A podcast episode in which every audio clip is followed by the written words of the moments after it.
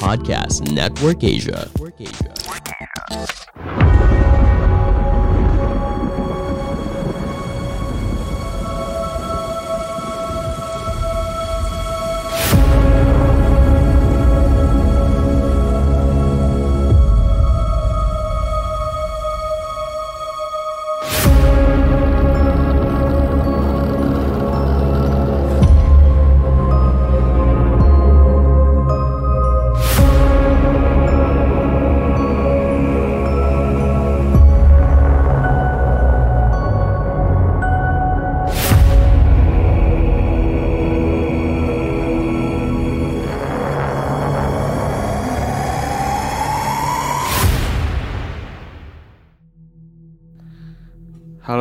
semuanya, selamat datang di podcast dengerin horor.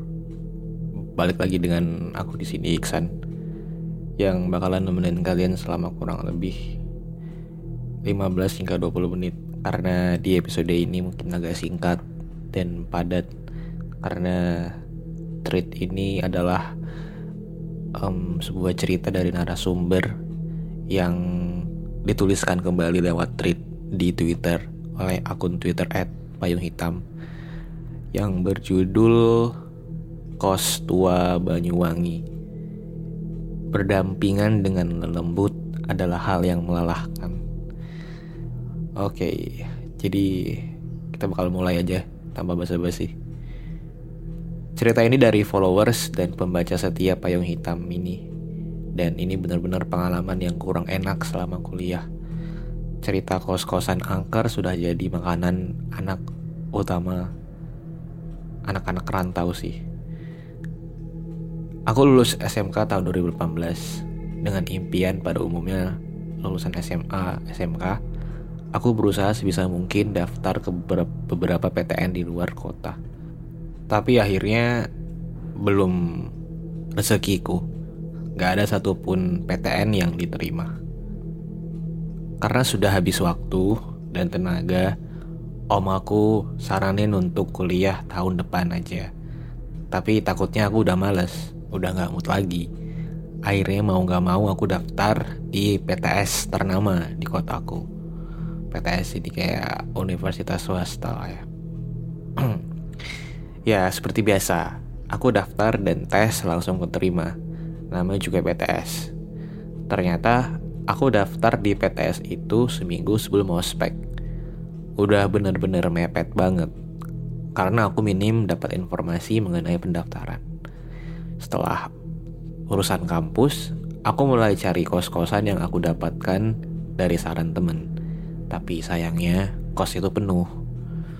Tapi ibu kos yang punya kos penuh ini nyaranin aku buat ngekos di depan. Di sana ada kos Siapa tahu masih ada kamar kosong. Aku pikir daripada gak dapet sama sekali, akhirnya aku langsung gas ke sana. Dan benar di sana ada kos, tapi bentuk bangunannya udah tua banget. Alhamdulillah ada satu kamar kosong dan langsung aku iakan karena kamar ini lumayan luas dibanding kamar lain yang sudah terisi. By the way aku akan jelasin denahnya ya. Jadi kamar ini berderet lorong dan punggung-punggungannya dengan kamar kos lain. Oh, oh punggung-punggungan. Jadi gimana ya? Kayak misalnya lu ini deh, kayak di perumahan terus ya samping-sampingan antara dinding dengan dinding gitu ya. Yang satu hadap ke depan, yang satu hadap belakang gitu kan. Pintunya gitu. Jadi jadi kamar kosnya ini berderet lorong dan posisinya punggung-punggungan dengan kamar kos lainnya. Dan ada dua gerbang di kosku ini, ada gerbang depan dan gerbang belakang. Aku kebetulan dapat kamar yang di belakang. Suasananya memang sangat singklu atau singup atau anyep-anyep yang gelap gitu dan beratmosfer serem bisa bayangin gak sih ya kemudian siang hari pun kalau nggak nyalain lampu itu bakal gelap banget kira-kira begitulah suasananya Dan kamarku ini di lantai satu. Karena udah mepet banget perkuliahan, harga kosnya terbilang murah dengan fasilitas lengkap. Akhirnya aku bertahanlah di sana. Aku awalnya masih parnoan, jadi nggak mau tidur sendirian. Akhirnya beberapa hari aku tidur di kos temanku. Sudah disarankan sama ibuku buat pindah kos aja, tapi aku menolak karena takutnya ribet. Di kosku juga udah murah, jadi aku cuma perlu buat terbiasa aja. Kemudian sudah seminggu aku tidur di kos temanku, akhirnya aku tidur juga di kos sendiri. Di sinilah aku merasakan hal-hal yang benar-benar ganjil.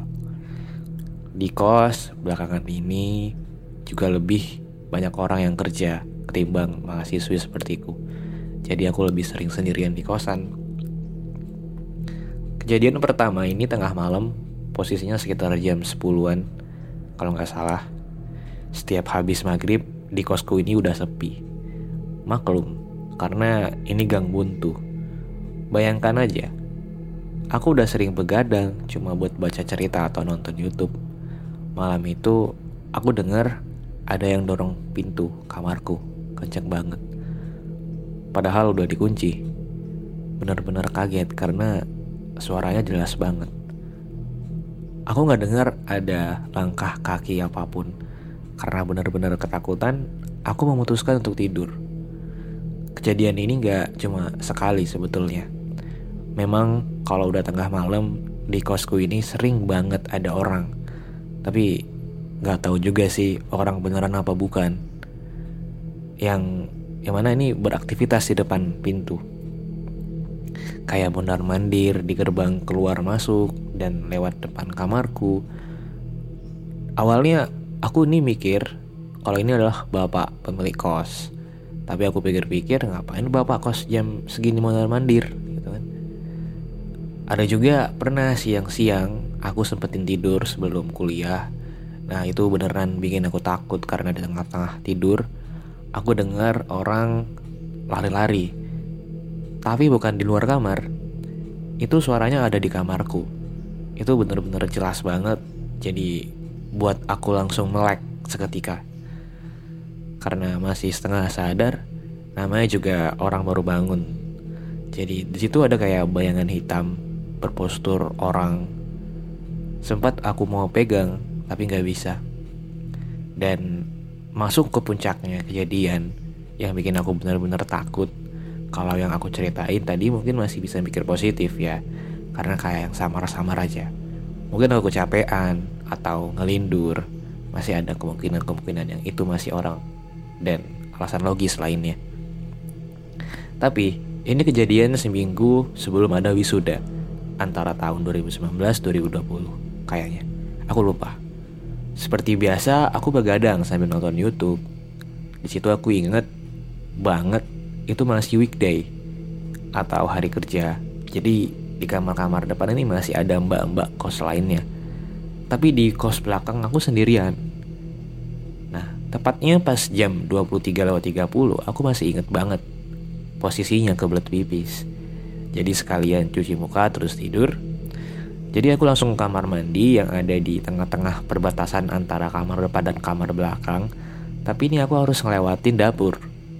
Sama tempat cuci piring yang gelap. Ada sih lampu, cuma tiap dinyalain pasti ada ada aja yang matiin, nggak tahu siapa. Jadi udah nggak pernah ada yang nyalain lagi. Nah waktu itu keadaannya tuh sepi banget. Aku masuk lah ke kamar mandi nyalain keran. Karena malam gak ada yang pakai air selain aku jadi keran di kamar mandi nyalain. Gede banget. Tahu kan suara air yang air keran yang deras banget gitu kan? Kayak ngucur gitu. Nah samar-samar di tengah isi air kebak aku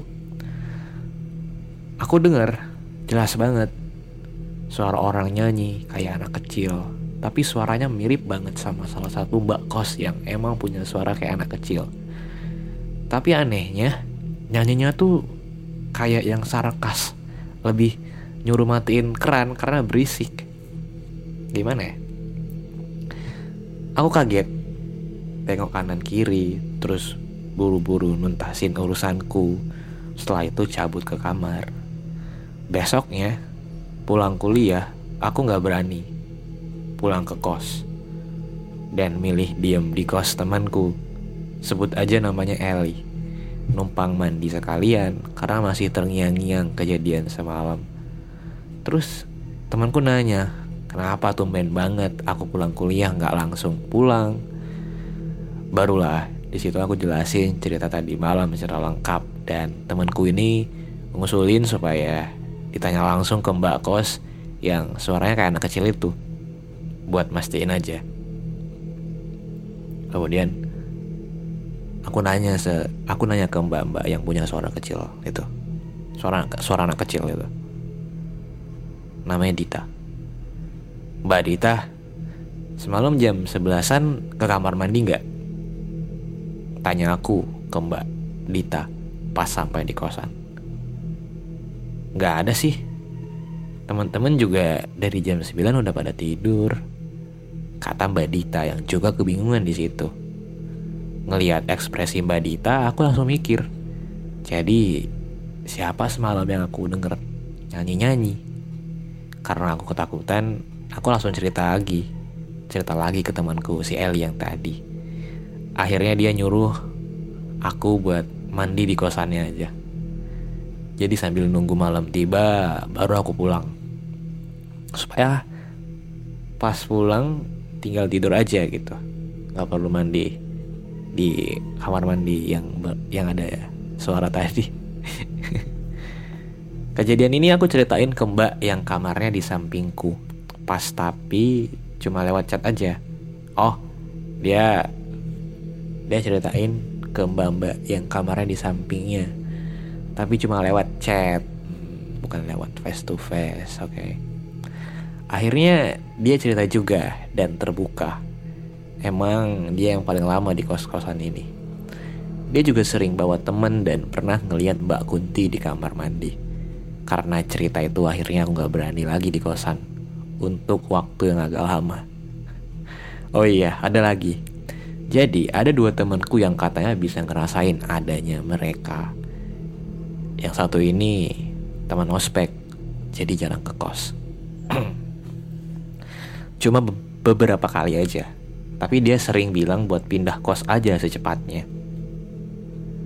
Aku sih cuma iya iya aja. Dia bilang ada sesuatu di depan pagar bagian belakang sama di rumah kosong pojok depan kos.